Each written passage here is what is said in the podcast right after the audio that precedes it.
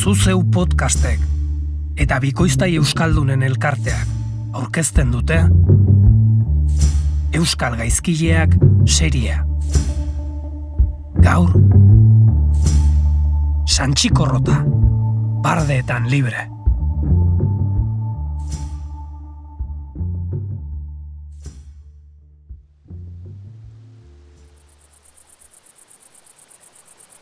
Ideia ederra izan dinagu, eh, Xue? Bero sapa itzela egiten din gaur herribera osoan. Eta kaskanten beti bezala, zartagi giroa. Alde ederrean gauden keile ibaiaren alboan, sartzen itzalpean. Inbidia galanta emango zienagu soroetan traktoreekin lanean ari direnei. Aitona Lucio, ez alduzu sartu behar. Ez maitea, oso gustura nago hementxe, hiri begira. Bale, orduan ni aterako naiz.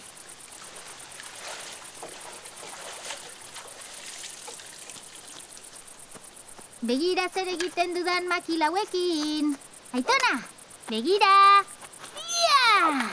Ha! Zum, zum! Ze abihilu xue? Begira, Aitona Lucio! Robin Hood naiz! Xum, xum! Abai? Eta zer egiten ari aiz, Robin? Arkuarekin eta geziarekin dirua kentzen diet aberatxei pobrei emateko. Hori, hori. Hala egin beharko lituzken gauzak. Bai, horixe. Aizan, badakin Robin Hooden pelikulako zati asko hartasoan grabatu zirela? Zera, Audrey Hepburn eta Sean Connery agertzen ziren filma hartakoak. Eta nor dira hoiek, Aitona? Youtuberrak? Jotu zer? Kahuela pitxorreka. Etorri ona. Aizan, ik Robin Hood eta txorakeri asko. Baina ziur naun ez dakin ala santxikorrota nortzen. Ba, ez... Ez dakit, Aitona Lucio. Santxikorrota aberatsei dirua kendu eta behar zutenei ematen zien beste kaskantear bat izan zunan. Eseri hemen, nire ondoan. Bere historia ibai honetan hasi zunan hain zuzen ere. Kailes ibaiaren ertzean.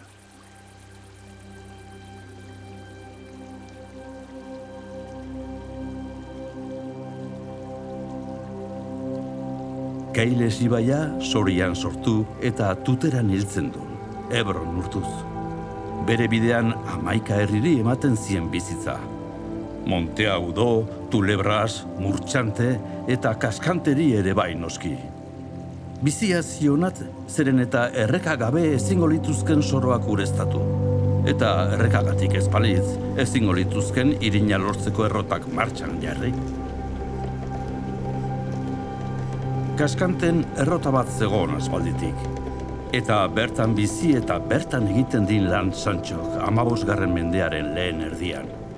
Santxiko dun urkoentzat, hau dun. Errotako Santxiko. Hots, Santxiko rota.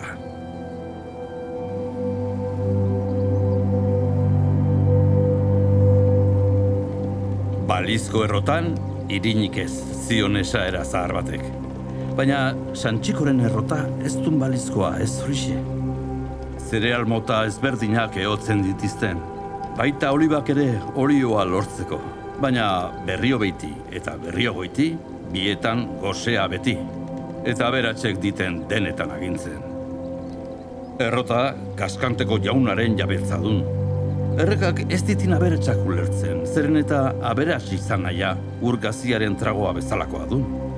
Geroz eta gehiago edan, orduan eta egarri handiagoa izan. Nafarroa agramondarren eta bomondarren arteko liskarretan itota zegon. Eta hori gutxi balitz, familia eta leinu berekoen artean ere mokoka ibiltzen ditu. Batak besteari dena lapurtzeko. Eta beti bezala, herria sufritzen. Historiaren errota beti bueltaka. Santxiko, turtukoia konpondu duzu. Bai, ama, ura ondo higitzen du gurpila orain, eta katilu guztiak martxan daude ardatza mugitzeko. Ederki, azokara joan aurretik, zure eta kusilua bere tokian jarri du. tranka berria ipini dugu eta errotako bi harriak sestran jarrita daude ja. Guztia prest lanerako. Ama, Zer, zaldun bat dator.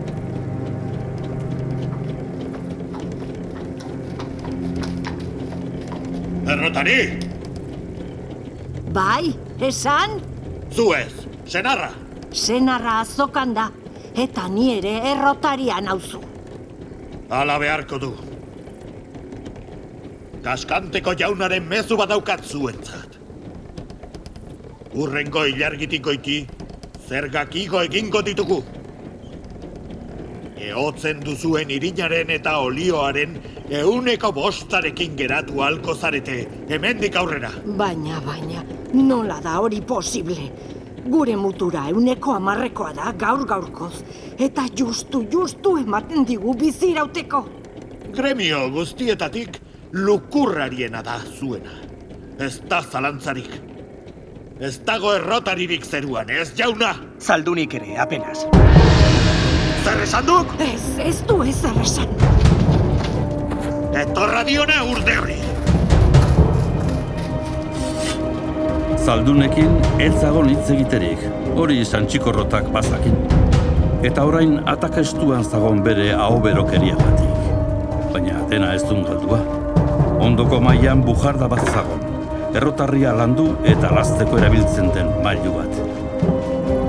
Zalduna ohartzerako, jauzi egin eta bere eskuetan hartu din. Ez, mesedez, ez. Azkar gertatu da dena. Santxiko martia, eskarrak onik zauden. Baina ze uste dute hauek? Bizi osoa horrela igaroko duguna. Jana muturren parean nola kentzen diguten ikusi eta isilik. Ea, ea, ea, pentsa dezagun. Gorpu hemen inguruan izkutatuko dugu.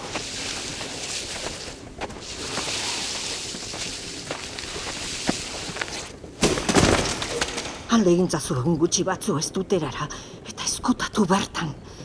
Ikusiko dugu ze giro dagoen hemen eta. Lasai badago, joko dugu zure bila.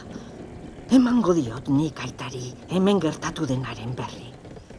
Sei seme, hartu zaldia eta segi urrutira. Humanitatearen historia klase borrokaren historia da.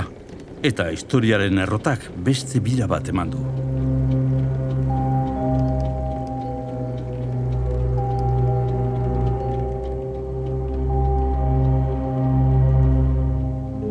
Nola edo ala amaika oztopori iskin eginez, Santxikorrota tuterara iritsi du, eta herriko Joanes lengusuaren etxean ezkutatu.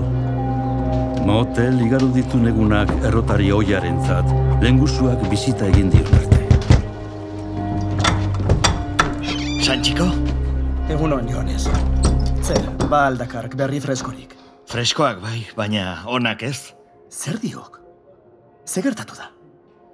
Kaskanteko auzokide batzuekin egin dia topo gaur plazan. Berritxarrak zakarskiat, primo. Hitz eginezak behingoz. Zera, kaskanteko zaldunek. Ire gurasoak hilditiztek. Ez, ez, eta dena nire erruagatik. Hau handi bat nauk. Zergatik, zergatik. Kontakatiluren batek gertatu zena ikusi zian urrutitik, eta apur bila jozian kaskanteko jaunaren gara. Ardia gaitu, primo, ardiak. Eta ardiok, ez diegu ardia jo izanaren errorik. Artzainek ditek errua, eta entzun dudanaren arabera. Juan bigarrena erregearen gizonak ire bila zabiltzak orain. Eure buruaren gatik eskaintzen duten ordaintzaria, ez duk bos kuartokoa.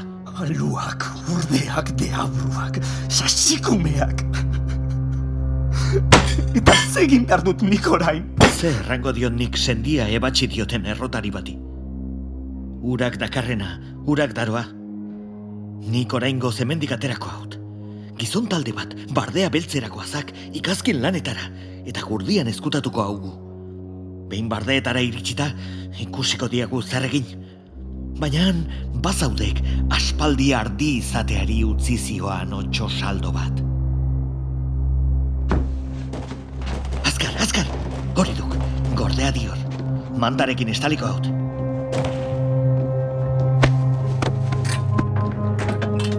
Hat, hat, arre!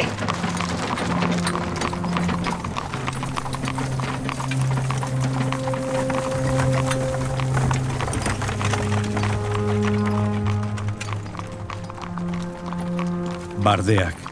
Nafarroako errege manupean zauden berrogeita bi mila hektarea.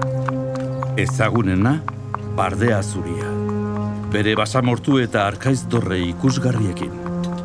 Bigarren plano batean geratu duen beti ordea, bardea beltza. Bardeen hegoaldean kokatzen duen, fustinena buñuel eta kabanilasetik gertu. Bardea beltzean badun basoa.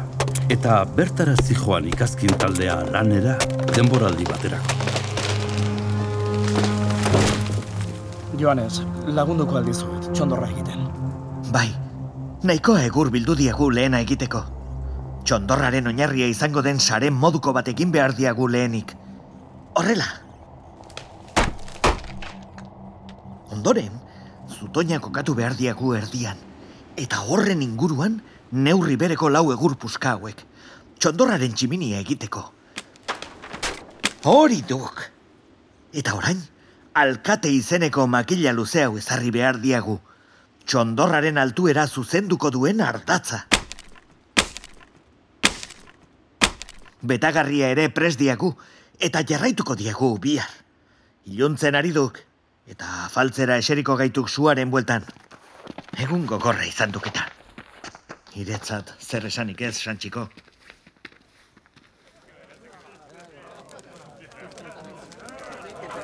Goxo aldago ardia, primo? Aspalditik nengoan, aragirik jangabea. Zeruan nagok. Laster uzanduko diteko txoek ere lurrin gozo hau. Zer diok? Otxoak ere badaude hemen ala? Hmm, bai horixe. Tuteran aipatu nizkian bi hankako otxoak. Ara, zer esan dian nik? Ongi etorri, bardeetako otxoak. Ongi etorri otxozoro, aspaldiko. Ere ikazkin maiteok. Argetasetik hartzitekean aragiarrearen usaina. Geratzen alda apur bat zarpai hauentzat. Hore bat duk zuek gurean izatea. Eseri gizonak, eseri!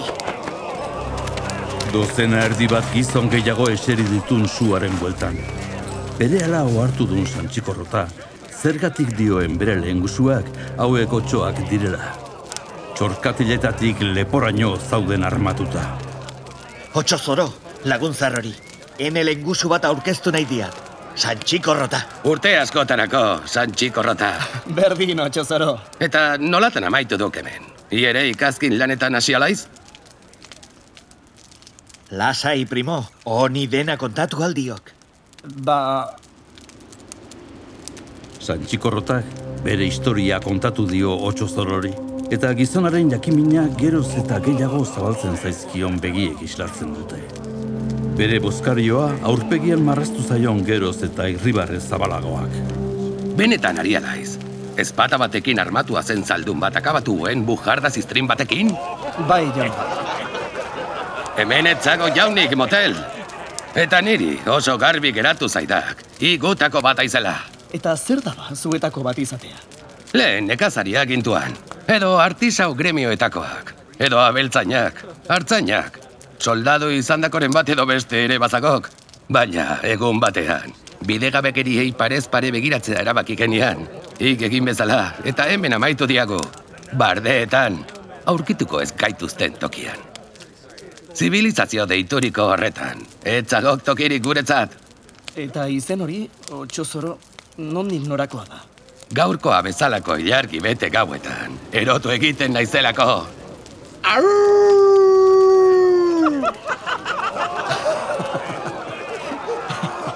Eta erradak, nola bizirauten duzu eh, halako paraje babesgabeetan? Otxoen gixan, ardiak jaten? Antzeko zerbait, erregeari esker. Nola erregeari esker? Ez diatu martzen. Bardeetatik igarotzen dituk amaika merkatari karabana. Ta gu haien zain izaten gaituk beti. Izan ere, Ze delitu daba monarkiari lapurreta egitea, monarkia bera sustengatzearekin alderatuta. Urrengo goizean, joan esagurtu eta santxikorrota bere lagun berriekin desagertu da bardean barna. Ez ordea bere zaldiari ferrak alderantziz jarri aurretik. Oinatzak ikusten dituen orok pentsa dezan kontrako norabidean dabiltzala.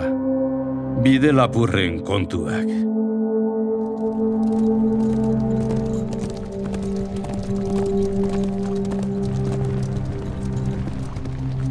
Bide lapur taldea hogeita hamar lagun inguru osatzen diten.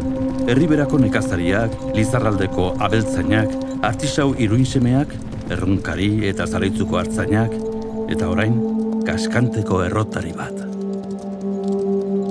Santxikorrota, ikusten alduk muino hori. Bide lapur berria harrituta geratu da taldearen gordelekoa ikustean. Bardeetako basamortuaren erdian bada Blanka Baja izeneko zonalde bat. Bizkerrako mendiguneak menperatzen duena aragoiko mugatik bilegoa eskasera. Mendigune hau puntan amaitzen da raioneko gailurrean. Santxikorrotak ez du inoiz jakingo, baina otxozoro seinalatzen ari zaion irureun da hogei metroko menditxoak bere izena hartu eta gordeko du mendeetan barna. Santxikorrotaren muñoa. Hortxezagok gure jauregia, gutxi falta duk. Jauregirik ez, baina bizi baldintza duinak zauzkaten erbesteratuek. Sua egiteko gure txukuna, lastozko oeak, zulo beltza, despentsa, armategia, urbiltegia, eta noski, biltzen ditizten altxorrak gordetzeko erabiltzen diten leizea. Eskuratzen ditizten ondasunekin kontrabandoan aritzen ditun bardeen inguruko herrietan. Eta horrela sustengatzen diten familia handi hau. Otxozorok, mai baten bueltan bildu dizkin guztiak gaurko lapurretaren nondik norakoen berri emateko. Beno, lapurreta, lapurreta, lapurreta ez, desjabetzea hobeki. Entzun ondo, Santxiko. Gure eraso gehienak, bi ere mutan egiten ditiago. Bata, herri berritik tuterara. Merkatari gaztelarrak bertatik ikarotzen dituketa. Bestea, aleratik herri berrirainoko adok. Hortik pasatzen dituk merkatari aragoiarrak. Santxikorrota bere ala egokitu duen taldean, ongi baino hobeki gainera. Ona dun borrokan, ausarta eta ez hori bakarrik, azkarra ere bai. Otxozorok, legez, bere ordezko izendatu din. Eta inguruko herrietako jendeak jada, bazakin norden Santxikorrota. Jateko eta tresneria ekoizteko lehengaiak kontrabandoan ekartzen dizkien kaskante hart jatorra. Beherapenak egin edo oparitan gauza ugari uzten dituena. Gozetuta ikusten dituen aurrei jaten ematen diena. Bide taldea, maitatua eta goretsia dun bardeen bueltan. Nafarroako erregearen soldaduek kartelak jartzen ditizten egunez, iragarriz berreun florin eskaintzen dituztela otxozoro, santxikorrota edo beste edozein bide lapurrengatik. Herritarrek gauean kartelak kentzen dituzten. Gaur gaztelarrei tokatzen zaiek, Santxiko. Herri berritik gertu egingo ziea gu eraso. Gizonak, prestatu armak eta zaldietara! Enboskada egin behar duten tokira bidean doazela, haizeak leunki laztantzen din santxikorrotaren aurpegia. Eta ohartu dun aske sentitzen dela. Ze arraio, askea dela, askatasuna. Zer dun askatasuna? Jainkoaren antzeko zerbait. Esplika ezina. Iritsi gara. Ea, zuek, ezkutatu muino horren atzealdean. Beste guztiok nirekin beste aldeko muinora. Egon zain nire seinaleari. Borrokaldi baten aurreko minutuek ere, irurogei segundo zauzkaten. Baina eternalak ditun. Halako batean, urrutian, jendea inguratzen ikusi diten. Bide lapurrak sakabanatu diren muinoen artean, laurogei metro eskaseko tartea izango du. Eta otxozorok, besoak mugituz jakinarazi die besteei. Karabana gerturatzen doan einean, hobekiago ikusten ahalditen zeri egin behar zioten aurre. Hogeita bost, hogeita margizon armatu inguru izango ditun. Merkatariak beste hainbeste. Eta atzean, Otxo zoro, ze kristo duk karabanaren atzealdean doan hori. Esklabuak dituk, mairuak. Uste duana baino ohikoagoa du kirudi hori parake hauetan. Askatzen ditugunean, banukasitarren ondorengo batzuei bideratzen zizkieago. Eta haiek jaioterrira itzuli edo enplegatu egiten ditiztek. Eta lehen hilaran doazen soldadu horiek? Ez ditek Nafar armadakoen uniforme bera. Nazkagarri hoiek, ez solaren anaidikoak dituk. Inguruko jauntxoek osatutako mertzenario talde bat. Daukaten izena edukita. Irudikatu ahal duk, zer nolako zereginetan aritzen diren. Norbait bidelapurra dela pentsatuz gero. Ez ditek ez epaiketarik antolatu behar, ez frogarik aurkeztu. Bertan akabatuko hautetak itxo. Santxiko, gaurkoan, odolotza mantendu behar duk. Soldaduekin betikoa, errenditzen badira barkatu bizia. Baina ez solako jetako denak, jo eta garbitu bertan. Bertan zaudek, prestatu.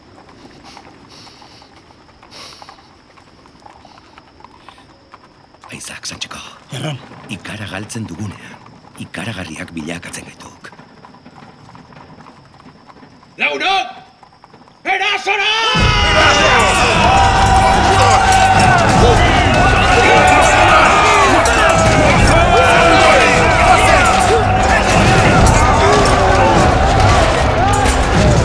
borrokaldia motza izan du. Lehenengo tupustaldiaren ondoren soldaduek atzera egin diten eta errentitu egin ditun. Esolaren anaidikoak ditun zerraldo guztiak. Bost gizon eta beste hainbeste soldadu zauden minez intzirika. Baina ez ditun hildako bakarrak. otxo zoro. Otso zorok azken atxa eman din. Gaziek eta gozuek igarotzen zuten eztarria geziek zeharkatu diotenean. Begiak irekita zagon irribarrez, Santxikoren historia entzun zuenean zabaldu zitzaion antzeko irriñoarekin. Bere eriotzarekin, bizimolde bat irakatsi zion otxozorok Santxikorrotari. Ikaragarri bilakatuz, ikaratuta egon ordez. Lagunok, otxo zoro hil zaigu. Antxoka, eramani ezaizkiek jada esklabu ez diren gizon hauek tuterako mairuei. Matin, soldaduak eramanitzak herri berri ingururaino. Esaiek ez ditugula berriro inguruotan ikusi nahi. Beste guztiok, sartu altxorrak eta armak gurdietan. Otxozororen gorpua ere bai. Gordeleku ondoan lurperatuko diagoeta. Gazia da lagunak agurtzea. Baina ze gozoa den erresuma eta merkatari esklabistak desjabetzea.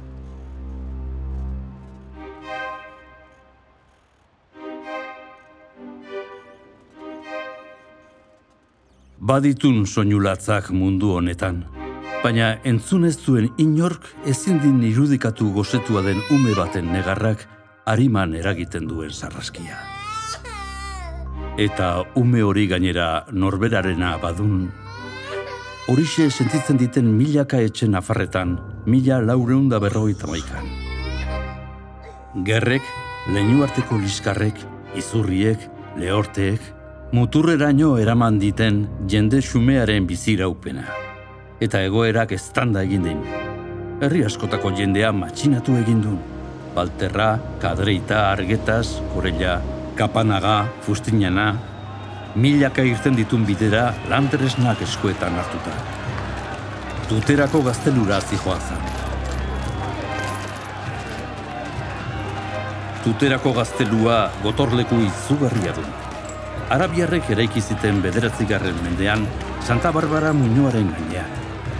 Banukasitarren egoitza izan zunan denbora luzez, eta amaika obra eta aldaketaren ondoren, Nafar erresumak bertatik kontrolatzen dizkin bere mugetatik gertu dabiltzan etxaiak. Baina baita mugen barruan dabiltzanak ere.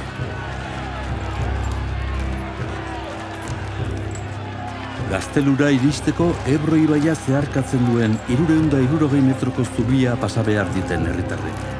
Eta justuki, zubiaren sarreran zauzkaten zain soldaduak. Gizon bat, gertatzen ari denari begira zagon urrutitik, eta bere kopete ilunean irakurri ziteken, badakiela nola amaitzen diren gisa honetako kontuak. Mila txiki txiki egingo ditiztek eta gu hogei tamar besterik ez gaitu. Zer egin, zer egin. Lagunok, etorri nirekin. Parez pare daude herritarrak eta soldaduak zubi sarreran. Isiltasuna nagusitzu da une batez. Eta bapatean... Zerutik erori den tximista batek triskantza eragin du nekazarien artean. Bertan daudenak ez ditu jabetzen, baina eztanda horrek garai aldaketa markatu du. Bolbora izeneko hauts beltzak bere bidea egin din Txinatik hasi eta Europan barra. Eta tuterako gaztelua ere horretara egokitu du. Bere defentsa sisteman kainoi handi bat gehituz. Tristea dun kontua. Kainoia ezpaititen estrenatu ez gaztelarren eta ez aragoiarren aurka. Haien jendearen aurka baizik. Soldaduei ere kostatu zaien sustotik errekuperatzea. Are gehiago zaldiei, euren bizian alakurik entzuntinen lehen aldia baita. Baina berehala antolatu ditun berriz ere, eta jendearen aurka kargatu diten jotasu. Honi ezin zaion batalla ditu. Batetik, egunak ezer jangabe daramatzaten herritarrak ahul, aitzur, sarde eta makilak eskuetan. Eta bestetik, ondo jandako eta hobeto armatutako soldadua. Laster gertatu dun gertatu beharrekoa. Herritarrak erretiratzen hasi ditun, baina soldaduek atzetik jarraitu ditizten zubitik aldenduz. Eta justu orduan, Ikaratuak ez! Ikaragarriak! Eraso! Santxikorrotak bazekinan ze gertatu behar zunan. Eta bere taldea gehien lagundu dezakeen tokira eraman din. Herritarren erretirada babestera. Zaldizko hogeita mar bidelapurrek oinezko eun bat soldaduri egin zieten eraso. Eta nabasa eta erioa zabaldu haien artean. Soldaduak zubira itzuri ditu. Nahikoa gizonak! Atzera! Azkar! Santxikorrota eta bere gizon gehienak onik atera ditun talkatik. Baina badakite jakin, haien erio zigorra sinatu berri dutela.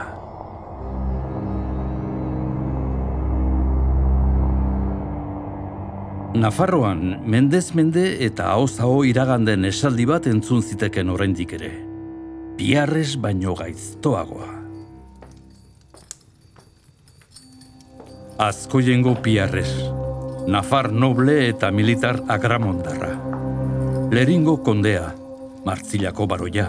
Eta azkoien, funes, karkar, andosila, faltzez, undiano, azagra eta kaparrosoko jauna. Eta horretaz gain, esolaren anaidiaren buru. Bai, bidelapurren eizan aritzen den segurtasun pribatuko hiltzaile talde horretakoa. Gehiagizkoa da. Gaztelarrek eta nagoiarrek gure mugak mehatxatzen dituzte etengabe. Bomondarrak Nafarroa odol usten ari dira. Izurritea zabaltzen ari da, goseteak eragindako matxinada bat. Eta hori gutxi balitz. Bidelapur talde bat erregearen soldaduei aurre egiten eta herriaren eroi bihurtzen. Aski da, kitxo!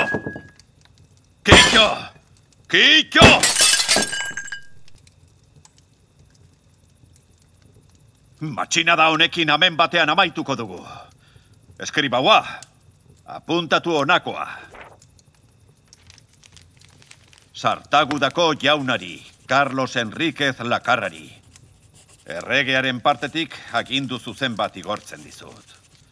Daukazuen zereal eta irin soberakin guztiak, matxinatu diren herrietan banatuko dira ogia egiteko. Urrez eta armez ordainduko zaizu, erresumari egiten diozun mesedea. Azkoiengo, biarrez. Esku batekin ogia emango diegu, eta bestearekin ezpata. Bildu nire plaza guztietako soldadu eta gizonak. Baita esolaren anaidi osoa ere. Etzidamu, bardeetaragoaz, eizara, santxikorrotaren bihotza zilarrezko azpil batean nahi dut. Ez dun sarritan alakorik ikusi herriberan. Berreun zaldun hilaran zijoa zan bardeetara. Eta guztiek zakiten nortzuen biladoa zen. Batzuk sardazuria aldera abiatu ditun. Beste batzuk txirimendiatik sartu ditun basamortura. Eta zutabe nagusiaren buru de abrua bera. Azkoiengo biarrez. Lehentxoago edo gerosiago, arrato joiek zulotik aterako dira. Santxikorrotak bazakin gaur ikusi duen egun sentia azkenekoa izan da. Bere gizonek ere bai, baina hori bai, garesti salduko diten haien golkoa. Santxikorrotaren taldea ez du ezkutatu. Rada izeneko herriskan zauden soldaduen zain, muino baten gainean, defensarako bikaina den plaza batean. Aske bizi izan gara, eta aske hilko gara. Eta zer da askatasuna lagunok? Ez dakit, jainkoaren gizan, esplikagaitza baitzait. Esploratzaile batek ikusi dizkin, eta lau azkan joan dun biarresi berri ematera. Azko jendarrak terrenoa aztertu eta erasotzeko agindua eman dit.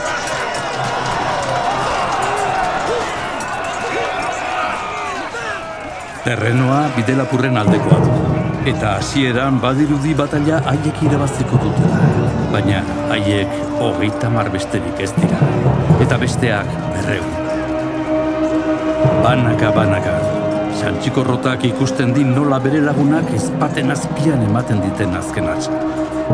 Eta oartzerako, bera bakarrik geratu duen soldadu zinguratuta. Santxikorrota, entrega adi! Juan Bigarrenak ibizirik atxikitzeko agindua eman zidak. Ai, biarrez. Baldago munduan, errege baten aginduei muzin egitea baino gauz ederragorik. Santxikorrotak daga bat atera du gerritik eta bere bihotzean sartu din.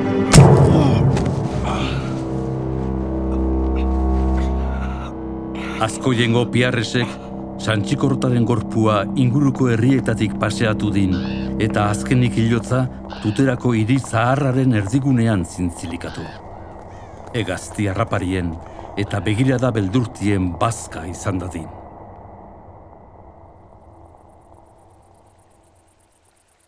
Baina, erradan, xue, baldago aske izatea baino gauza ederragorik. Ikaratuak ez, ikaragarriak! Eraso!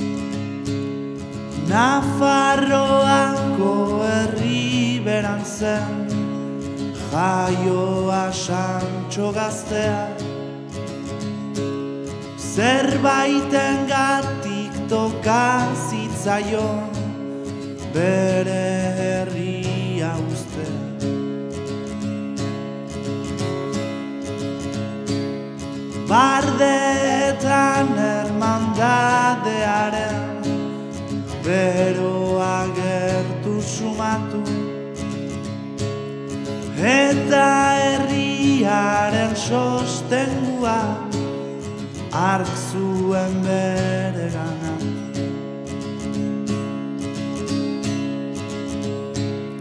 Soberan zuen ari ostuta Txiroari lagundurik Bere bizitza eten zuenak Da gabiotzean sarturik Santxiko rota, santxiko rota.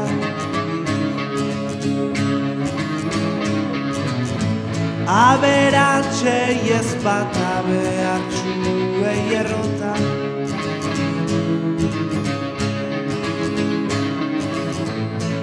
Santxiko rota, santxiko rota.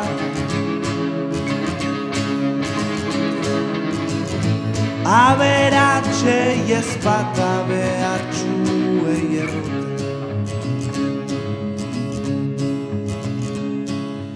Kondaira batek Eta gezurra eskutan. Zaila da jakitea nonkoka Ze alde domandota Santxoren gogo eta harima Segitu dute bizirik Herri berako lurretan barna Luziok lekuko harturik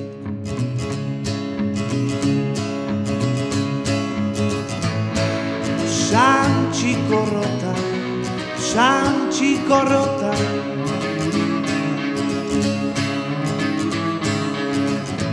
Aberatxei ez bat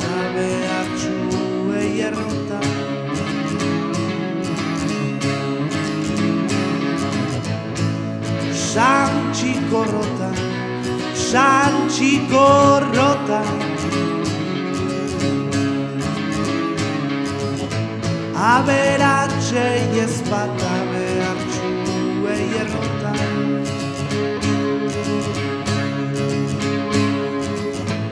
Aberatxei ez bat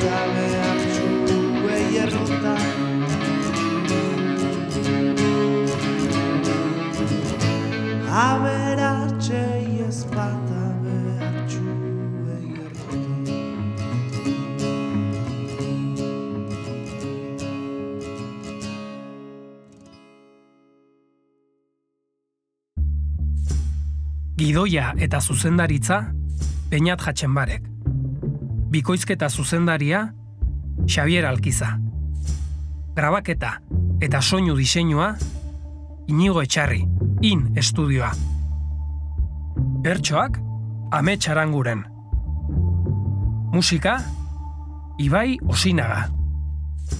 Aktoreak, Mikel Mendizabal, Nagore Irizar, Joseba Sakristan, Arantxa Moñuz, Xavier Alkiza, Ramon Zalakain eta Kiko Jauregi. Jarraitu gaitzazu Twitterren abildua gaizkileak eta abildua zuzeu podcast kontuetan, edo zure audio plataforma kutxunean. Zuzeu podcast proiektua luzera begirako apustu bezala sortu genuen 2019 hasieran. Proiektuak entzuleak ditu oinarrian, eta entzuleek babesten dute proiektua bera. Horregatik sortu dugu Patreon orrialdea. Audiogintza zuri esker egiten dugulako. Patreon orrialdean hiru arpidetza mota topatuko dituzu. Aukeratu egokiena iruditzen zaizuna, zuzeu podcast komunitatera batu eta proiektua babesteko. Sartu patreon.com barra zuzeupot elbidera eta arpidetu gure edukietara.